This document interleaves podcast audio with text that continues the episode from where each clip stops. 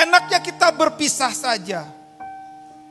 Lot, aku bilang nih, kalau kamu ke kanan, paman akan ke kiri. Maka Lot memandang dari tempat yang tinggi. Dia lihat namanya Sodom dan Gomora. Itu taman yang bagus. Seperti taman Eden. Itu taman subur yang sangat begitu makmur sekali. Maka dia, ingat saudara, orang yang seperti Lot ini hidupnya gagal. Walaupun dia adalah orang benar, tapi orang benar yang gagal. Dia melihat dengan cara pandangnya, bukan dia dipimpin oleh Tuhan.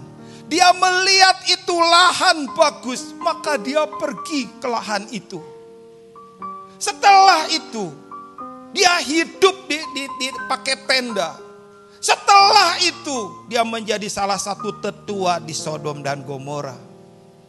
Dan dia menjadi bagian kota itu. Kota itu kota yang jahat. Kota itu penuh dengan kenajisan dan penuh dengan kejijikan.